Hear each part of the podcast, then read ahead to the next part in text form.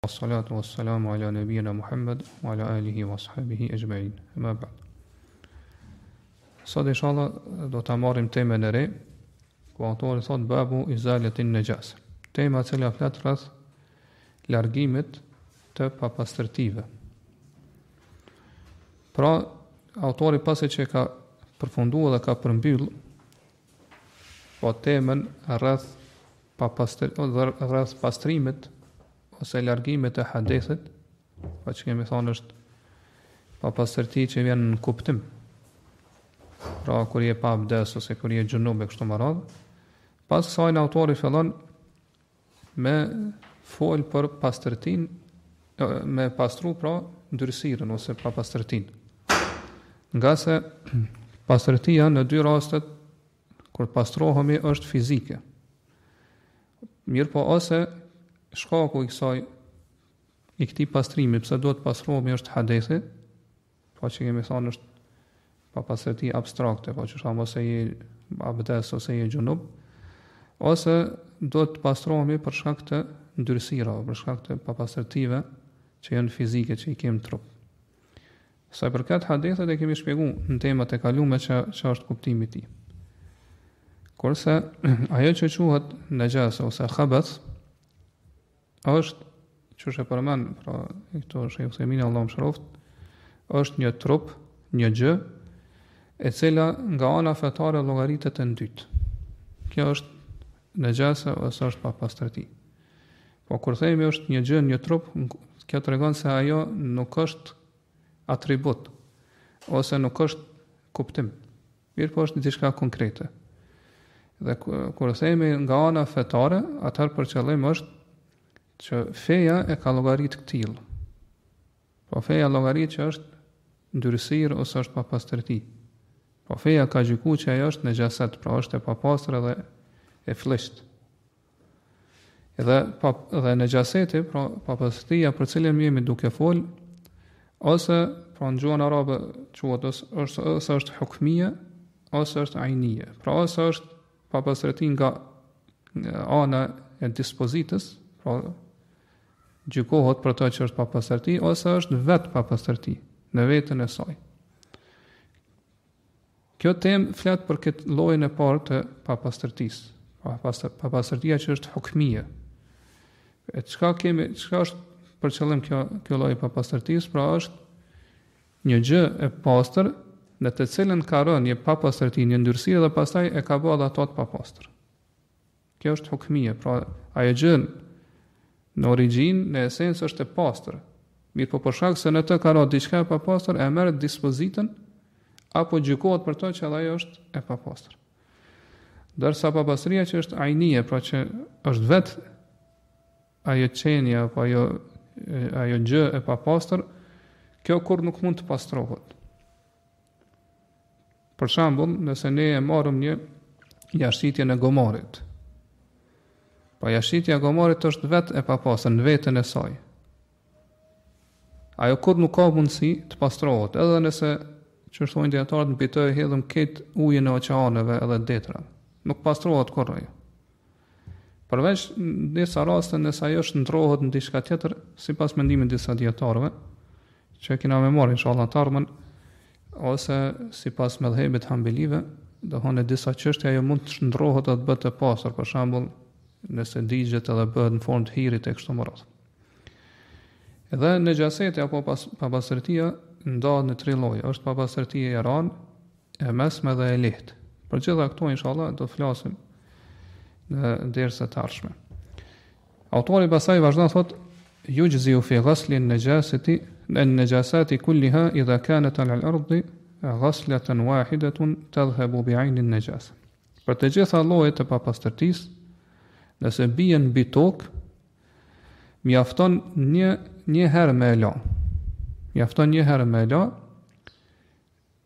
Do të thonë nëse ajo e lamje, ajo e larë, pra ajo kur e lajmë një herë e largon vet ndyrësirën, vet papastërtin.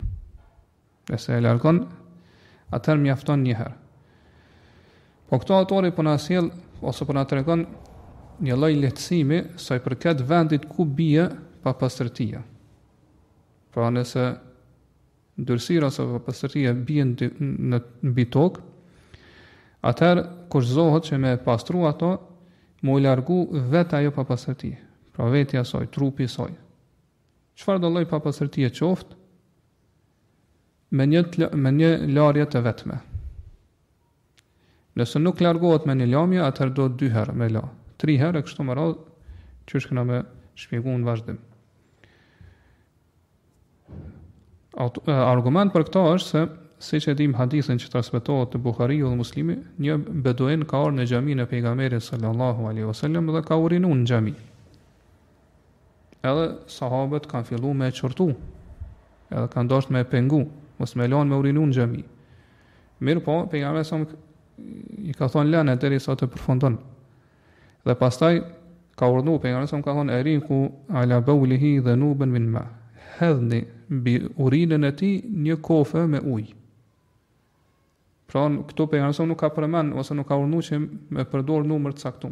Pra një herë me hedh kofën me ujë, mjafton edhe e lahet. Mirëpo, nëse papastërtia ka masë, ka trup, masë, atëherë patjetër duhet me hekë këtë masën, siç është rasti me jashtëqitjen e madhe.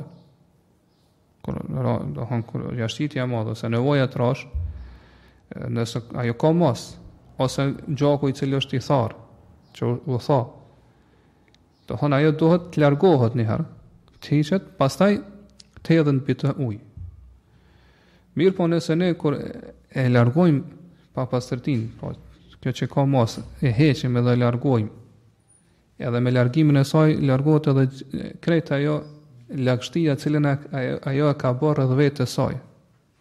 Por kur çrrënjoset tërësisht papastërtia, atëherë nuk ka nevojë fare me la me ujë. Ngase ai ai vendi ku ka ra papastërtia, pra që është ndytë, është njollos me papastërtinë, pra u pastru ngase u largu u çrrënjos papastërtia prej saj.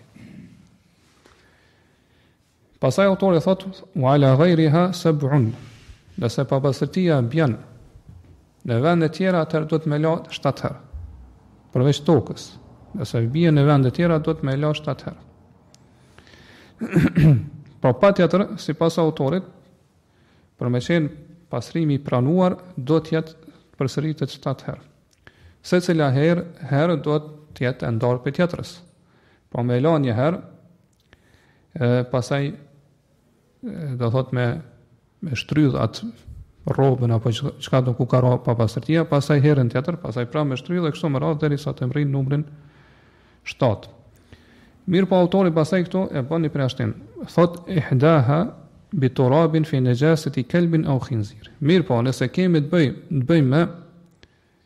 papastërtinë që është prej qenit apo prej derrit, atëherë këto shtatë hera, njëra prej tyre duhet të jetë me dhe. Njëra prej tyre duhet të jetë me dhe. Pra te papastërtia e qenit edhe derrit nuk mjafton me la vetëm shtatë herë. Mirëpo, njëra prej këtyre herave duhet me qenë dhe. Argument për këtë është hadithi i Ebu Hurejrës, radiallahu anhu, dhe Abdullah ibn Mugafelit,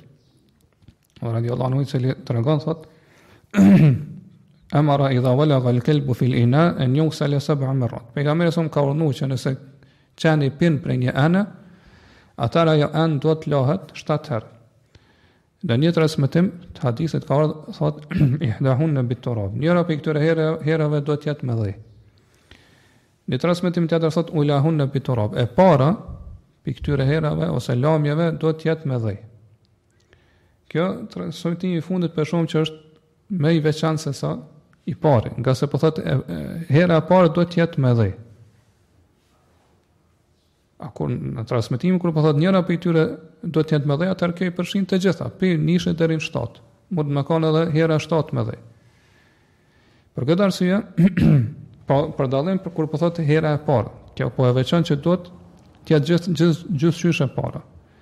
Prandaj kjo transmetim po na ose kjo transmetim kjo rrugë e hadithit po na jep këtë kuptim që më parësore që duhet të veprohet dhe të merret në konsideratë është që herën e parë duhet ta pastrojmë me dhe. Dhe këtë e kanë thënë edhe dijetarët Allahu i mëshiroftë. Për disa arsye, e para është që kështu ka ardhur hadithi i pejgamberit sallallahu alajhi wasallam.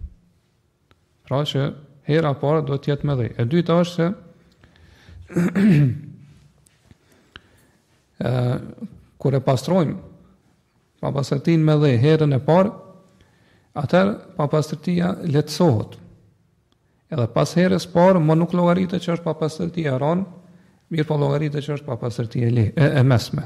Llogaritet që është papastërti, domethënë në kategorinë e papastërtive të mesme. Arsyeja e tretë që kanë përmend dijetarët është se, masi ta pastrojmë herën e parë me dhe, Pra dhe herën e dytë pastaj e lajmë me ujë, nëse pas kësaj na uji bie në një vend tjetër, pra po gjatë larjes të herës dytë, uji bie në një vend tjetër, atëherë ai vendi tjetër duhet të lahet gjashtë herë pa dhe. Mirëpo nëse ne për shembull e lëmë që pastrimin me dhe, me po herën e fundit, po herën e shtatë, dhe kur gjatë herës dytë ne e lajmë, Pra vendin mirëpo do thot uji bie në një vend tjetër, atë atë atë vendi tjetër duhet me la 6 herë prap me dhe, do thot me ia shtu edhe edhe dheun. Për këtë arsye edhe Ibn Haxheri Allahu e mëshiroftë thot që transmetimi që ka ardhur herën e parë është transmetim që është më i peshuar, më i saktë për arsye se ata që e përcjellën janë më shumë Edhe janë, do thot, hafuza më të mëdhajt hadithit. Edhe nga kuptimi, thot, kjo është ky transmetim, ose po është ma parësore, ma parësore me vepru me këtë transmetim. për arsye se, se thot që nëse e lajna herën e fundit me la me dhe, atëherë thot duhet me shtu edhe, edhe një herë, herën e tetë me hjek dheun, me cilin e kina la enën.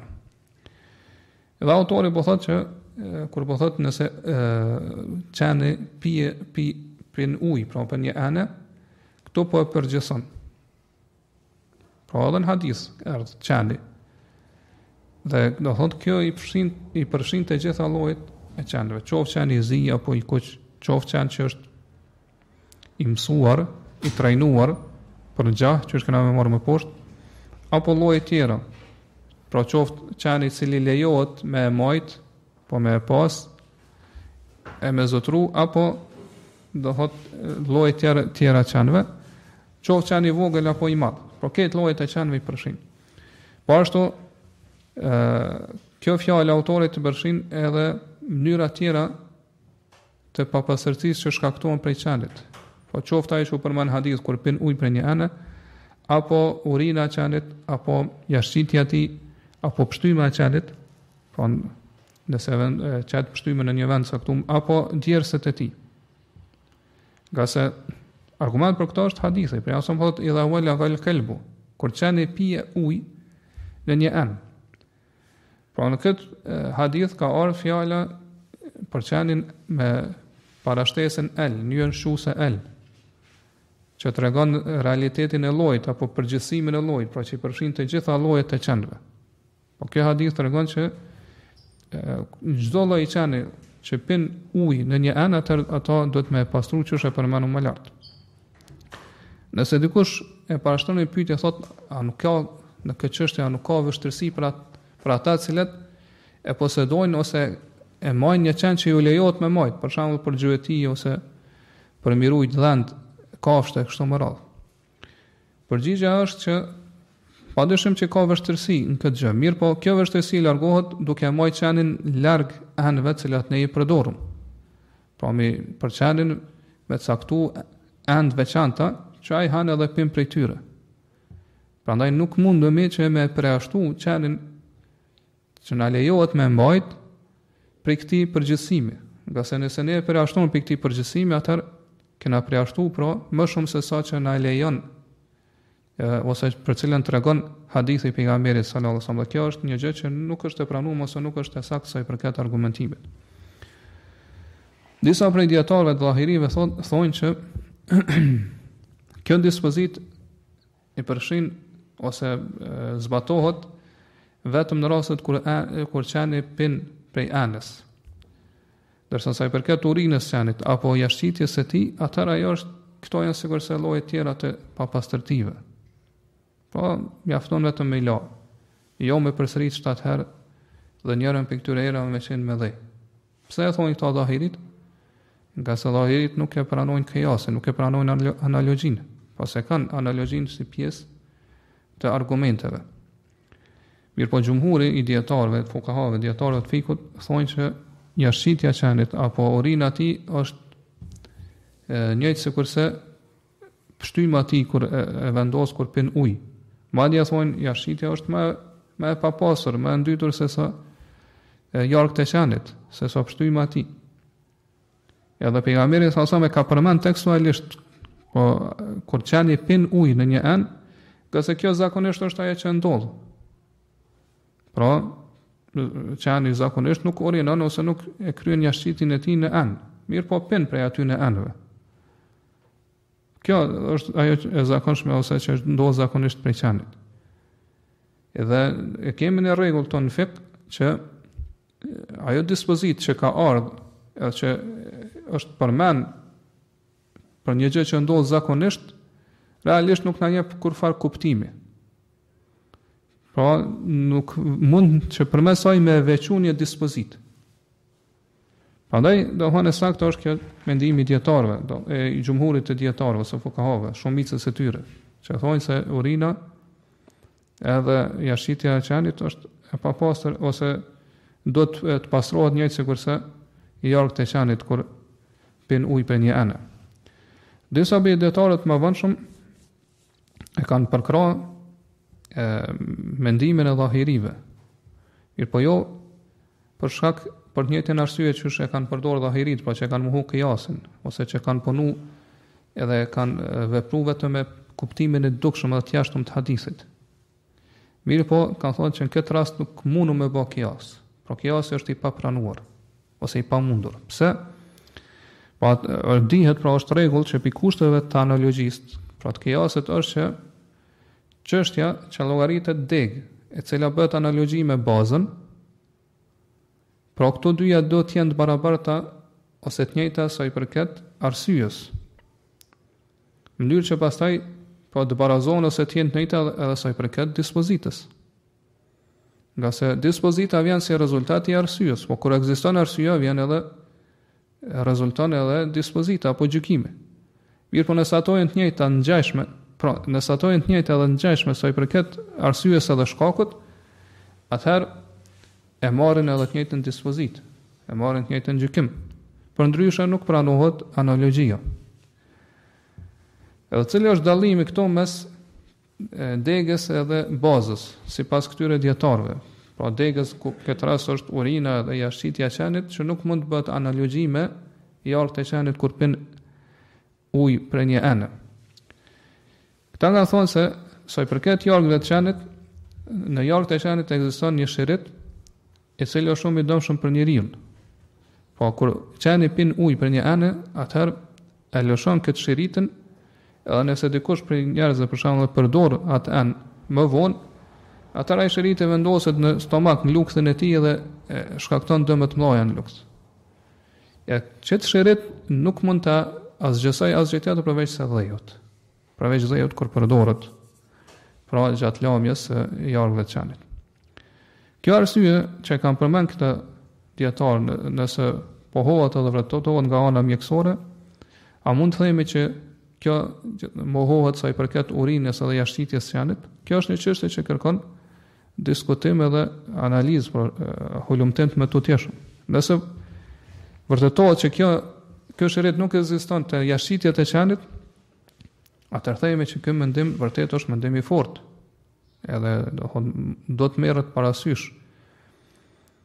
Mirëpo, më, më e sigurt është me vepru ashtu siç ka thonë shumica e dijetarëve. Ngase nëse ne e pastrojmë enën, në cilën ka e, ose në cilën ka urinu, apo vendi ku ka urinu, apo jashtëqitjen e qenit, shtatë herë njërën prej tyre me, me dhe, Atëherë kurkush nuk thotë që ti ke gabu. Mirëpo nëse nuk e pastrojmë shtatë herë, duke e pastru pra njërën ose herën e parë me dhe, atëherë ka prej dijetarëve që thonë që ti ke gabu, madje këta këtë mendim e ka shumica e dijetarëve, edhe thonë që kjo enë nuk është pastru, nuk është e pastër, nuk lejohet me përdorë. E pamë që autori, kësaj dispozite të pastrimit dhe larjes së jargëve të qenit gjithashtu domethonë të jashtëqitjeve të tij ia bashkëngjiti edhe edhe derrin. Po derri, siç e dimë, është kafshë e njohur e cila nuk ka xhelozi. Po derri nuk ka xhelozi. është shumë i flliqt i papastër dhe domethonë han edhe jashtëqitjen. Edhe domethonë në mishin e derrit ekzistojnë mikrobe apo bakterie shumë të dëmshme. Për të cilat domethonë siç e dimë thuhet se as zjarri nuk i djeg ato, nuk i shkatërron pra nxehtësia e madhe. Për këtë arsye domethonë feja islame ka ndalu konsumimin e mishit të derrit. Dhe fukahatë Allahu i mëshiroftë Pra papastërtinë e derrit ia kanë bashkangjitë papastërtisë së qenit, pra sa i përket dispozitave, për arsye se kanë thënë derri është shumë më i flliqt më i papastër se sa qeni. Prandaj është më parësore që këto dispozita të vlejnë për derrin se ashtu siç vlejnë edhe për qenin. Mirëpo, shejh Uthejmini thotë kjo analogi është e dobët, edhe nuk pranohet. Për arsye se derri është përmend në Kuran, Dhe është gjithashtu ka ekzistuar në kohën e pejgamberit sallallahu alaihi wasallam. Mirëpo pejgamberi kurrë nuk e ka nuk është përcjell prej tij që der domethonë papastërtinë e derrit ia ka bashkangjit qenit, pra që me i marrë të njëjtat dispozita. Prandaj e saktë është që papastërtia e derrit është njësoj sikurse papastërtitë e tjera. Po duhet të pastrohen ashtu qysh pastrohen papastërtitë e tjera. Pastaj vazhdon autori thotë wa yujziu anit turabi ashnanun wa nahwuhu. Në vend të dheut mjafton ose lejohet me përdor domethonë pranohet nëse përdor ashnan dhe gjëra të tjera të ngjashme me këto. Ashnan Unë e gjeta, domethonë, qysh e thojnë edhe kështu me gjuhën mjekësore, domethonë latinisht, po është një emër shumë i gjatë, kështu s'mujta me majt men, edhe shqip nuk e di mirë, po kjo është një lloj peme, barishte, e cila, domethonë, është formë të kokrrave, të kokrrizave, që pastaj shtypet, edhe kur shtypet, domethonë, bëhet në formë të kokrrave, më të vogla se sa sheqeri, Edhe përmes tyre në të kalumen me këtë lloj të peme ose barishte i kanë e pastru rrobat e tyre. Ngase ka domethonë ajo është ngase ka pas një lloj vrazhdësie sikurse dheu. Prandaj i ka largu ose i ka heq prej rrobave gjërat që ju ngjit për tu. Për këtë arsye dijetari po thot, sa i përket, po autori Allahu e mëshiroftë po thot, sa i përket papastërtisë së qenit, Në vend dheut mjafton ose pranohet me përdor dhe këtë lloj peme. Mirëpo, Shejh Uthejmini thotë kjo është një çështje diskutabile, për arsye se ligjvënësi, pra Allahu subhanahu wa taala, përmes gjuhës pejgamberit sallallahu alajhi wasallam ka cek tekstualisht për dheun. Prandaj ne kemi obligim me pasu tekstin, hadithin e pejgamberit sa. Po ashtu, domethonë e dyta është sa i përket sidrit, që është një lloj peme, ose kësaj eshnan, këto kanë ekzistuar në kohën e pejgamberit sallallahu alaihi wasallam. Mirëpo më sa mos nuk ka dhënë shenjë që këto me i përdor për pastrimin e, e ndyrësirës apo papastërtisë së qenit. E treta është ajo që e tha më lart. Pra ka mundësi që në dhe ka një lloj lëndë apo materie të caktume që i mbyt këto bakteriet apo mikrobet të cilat dalin e që janë të dëmshme që dalin prej jargëve të qenit. Edhe e katërta është se dheu është njëra prej dy gjërave me të cilat ne pastrohemi. Ngase siç e dim dheu vjen, siç e kemi përmen në temën e kalum, vjen e zëvendëson ujin, sa i përket abdesit e kështu me radhë, po marrim tejemum me dhe, kur s'kemi uj, me marr abdes. Dhe pejgamberi sallallahu alajhi wasallam ka thonë që mua toka më është bërë xhami, vend falje edhe pastrim. Prandaj ekziston mundësia që pra feja e ka, e ka kushtu vëmendje dheut duke marrë parasysh këto gjëra më shumë se sa gjërave tjera. Për faktin se ai është njëra prej dy gjërave ose mënyrave për që, që ne pastrohemi me të. Dhe kjo nuk mund të thuhet për këto lloje të pemëve ose barishteve të tjera, qoftë sidër apo eshnan edhe të tjera. Prandaj e saktë është që nuk le, nuk pranohet ose nuk mjafton që me i pastru rrobat ose pa, me largu papastërtinë e qenit përmes tyre barishteve ose përmes tyre pemëve. Mirëpo, nëse supozohet nganjëherë që mos me pas dhe, edhe pse kjo është një pra mundësi ose probabiliteti është shumë i lartë që mos me pas dhe, që me, me pastru pra parazitin e dhejët, atëherë lejohet me përdor, këtë është, domethanë, pra është lejohet me përdor sapunin, për me pastru rrobën, ose gjëra tjera. Kjo është ma mirë me përdor, se sa mos me përdor fare. Ajo që kuptohet prej fjalëve e autorit është se Nëse qeni është prej atyre që janë të trajnuar për me gjujtë, për gjah, edhe pra e gjun e kap gjahun e tij, po me gojën e tij, me dhëmbët e tij, atëherë patjetër duhet që mishin, ku qeni e ka kafshu, me e pastru në këtë mënyrë. Pra shtatë herë me dhe e njërën prej këtyre dhe herave me kanë shtatë herë me ujë dhe njëra prej shtatë herë me e pastru dhe njëra prej këtyre me qenë me dhe apo me ushnan apo me sapun apo domethanë me metoda tjera ose me gjëra tjera sipas medhhebit. Mirëpo, Ibn Tejmija, shejhul islami, Allahu e mëshiroftë, ka thanë që kjo është një gjë që feja e Allahu subhanahu wa taala na e ka lehtësu dhe na ka fal, na ka toleru. Ngase nuk është transmetu prej pejgamberit sallallahu alaihi wasallam që ai ka urdhnu që pra kafshën të cilën e kap qeni, pra atë vendin ku e ka kafshu me e pastru në këtë mënyrë.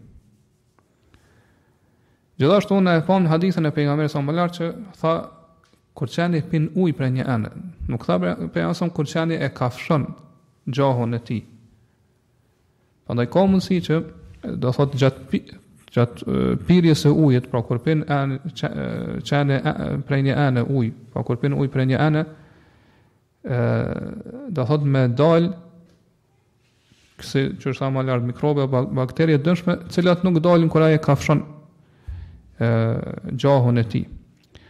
Dhe nuk ka dyshim që shokët e pejgamberit sallallahu alejhi ve selem, kur nuk është transmetu prej tyre që e kanë pastru pra mishin e gjahut në këtë mënyrë, pra siç kuptohet prej fjalëve të autorëve dhe çfarë është medhhebi Hanbeli. Pra me pastru 7 herë me ujë njërën prej tyre me dhe. Prandaj kjo tregon Që kjo është një gjë që domethanë është e toleruar ose e falur në fenë tonë. Edhe Allahu subhanahu teala siç e dimë është i plotfuqishëm, është krijuesi edhe është ligjvënësi. Nëse një gjë Allah subhanahu teala na ka toleruar ose na ka fal, nga ana fetare, atëherë edhe dëmi i saj nga ana e caktimit, kaderit të Allah subhanahu teala largohet, edhe nuk na dëmton.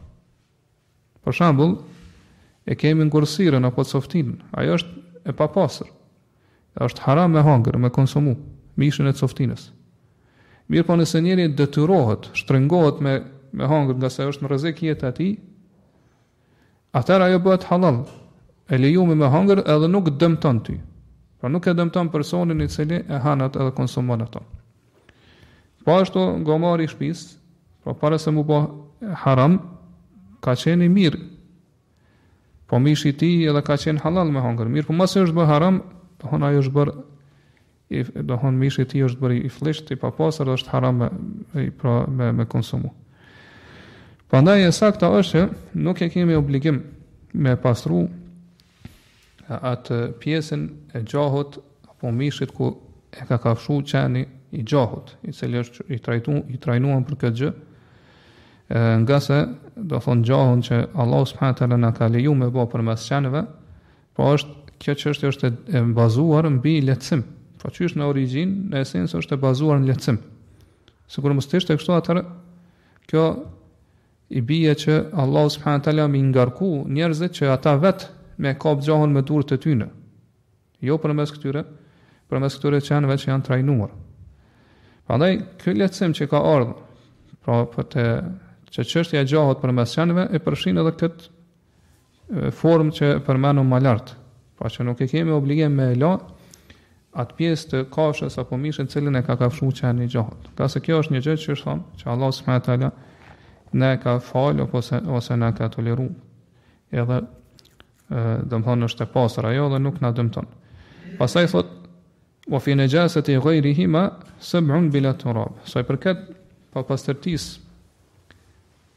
që vjen prej kafshëve tjera ose gjërave tjera përveç qenit edhe derrit, duhet me la 7 herë pa e përfshi dheun këtu. Duhet me la 7 herë pa e përfshi dheun. Pra kjo e, pranohet, ose është e, e pranushme ose e mjaftushme në fenë islame që Në papastërtinë, papastërtitë tjera që nuk janë prej qenit apo prej derrit, mi la shtatë herë me ujë, pra mjafton vetëm shtatë herë me ujë, me ujë pa përdor dheun. Mirëpo, qysh thamë lart, sipas autorit, duhet patjetër shtatë herë. Po një herë mu, mu, me la, pastaj për shembull rrobën, pastaj me shtrydh ato, atë vend, pastaj me la herën e dytë, pastaj me shtrydh prap, e kështu me radhë derisa të mbrin numrin shtatë. Nëse ka nevojë me fërku, pra gjatë lamjes, atër patjetër duhet me fërku. Sipas kësaj i bje që nëse papastërtia largohet me herën e parë, pra herën e parë kur e lan me ujë largohet papastërtia edhe mbetet vendi i pastër, po as nuk ka erë t'papastërtisë as ngjyrë, Atëherë, sipas këtij mendimi, nuk llogaritet që është e pastër, derisa të plotëson numrin 7, ose të përmbush numrin 7. Po kjo është medhhebi i hanbelive. Edhe këta kanë argumentu me një hadith që transmitohet prej Ibni Umerit, radiallahu anhu i cili thot, umirna bi gaslil enxhasi seb'an, jemi urdhnu që me i la, mi pastru papastërtitë shtatë herë. Kur sahabiu thot jemi urdhnu, atëherë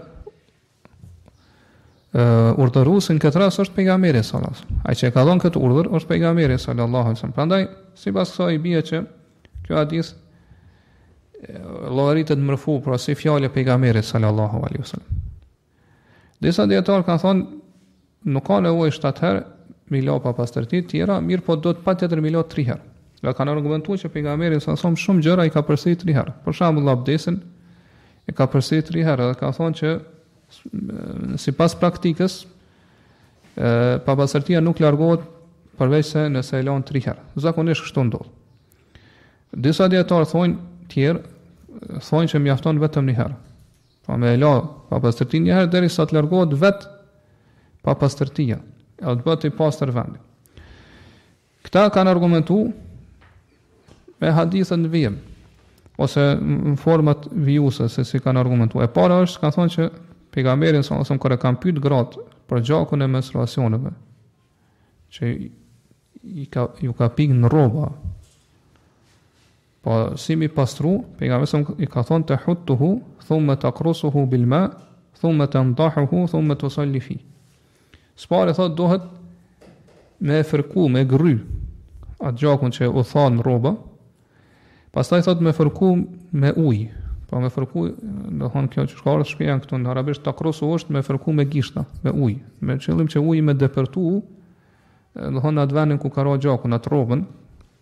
në atë pjesën ku ka ra, në atë pjesën e rrobës ku ka ra gjaku. Pastaj thot me hedh ujë mbi të, vetëm një herë, s'po përmend ma shumë herë. Pastaj thot i lejohet m'u fal në atë rrobë. Po këtu nuk po përmend ndonjë numër t'caktum se sa me la. Edhe këtu siç e dimë vendi ose rrethana ka qenë domethon vendi i sqarimit, domethon ka qenë duke sqaruar se si me vepru n' këtë rast. Po ngase qysh e pam, ka qenë përgjigje ndaj pyetjes që ju ka parashtu pejgamberit alejhi selam. Andaj sikur të kish qenë ndonjë numër i caktuar që duhet me marrë parasysh këtë patjetër e kish sqaruar pejgamberi sallallahu alaihi wasallam. Për këtë arsye, përderisa gjaku i menstruacionit po ka qenë është tharë, domethonë është terë, është tharë aty në rrobë, pejgamberi alejhi selam s'pari po thotë me me fërku ato, po me gry. Nuk po thotë me la menjëherë. Edhe pse nëse përsëritet lamja ka mundësi që m'u largu ajo edhe nëse është i thatë. Mirëpo pejgamberi alejhi selam po fillon prej asaj që është më e lehtë. S'pari po thot me fërku, pra me me gry, pastaj qysh e pamë, pra me fërku me gishta me ujë, pastaj me hedh ujë mbi to. Argumenti i dytë është se nexhaseti qysh thamë më lart është një gjë e, e ndytë, e papastër, kurdo që ajo largohet, largohet edhe dispozita e saj. Dhe kjo është një argument logik shumë i fort, i qartë. Prandaj, në bazë sajna nuk merret sa i përket largimit të papastërtive tjera, përveç qenit, nuk merret parasysh ndonjë numër i caktum. Asa, kurse te qeni, qysh thamë, patjetër duhet me e la shtatë herë, e, herën e parë ose njërën prej këtyre herave me dhe, siç pas tekstit hadithit pejgamberit alejhi selam. Ndërsa sa i përket hadithit Ibn Omerit që e përmenën, domethonë, që e përmenën këta dijetarë të mendimit parë, edhe dijetarë të medhhebit hanbeli, Ky hadith është refuzuar në dy aspekte. E para është se është i dobët. Madje nuk ka bazë hiç, është hadith i dobët. Edhe nëse themi që hadithi është i saktë, është Imam Ahmed Allahu shoh të transmeton një hadith tjetër, edhe i cili gjithashtu është sa përket saktësisë është diskutabile është i saktë apo jo. Mirëpo, në këtë hadith thuhet që pejgamberi salallahu alejhi fillimisht është urdhëruar që papastërtitë me me i la 7 herë, pastaj ka ka lut Allahu subhanahu wa taala që me ia lehtësu këtë, edhe pastaj është urdhëruar që me la vetëm një herë. Prandaj hadithi i Ibn Umerit, nëse është i saktë, që përmendëm ma lart, mund të interpretohet ose shpjegohet që është para para shfuqizimit të kësaj dispozite. Prandaj kështu bie argumentimi përmes atij hadithi. Pra e sakta është që mjafton me i la një herë papastërtinë derisa të largohet vetë papastërtia dhe vendi të mbetet i pastër.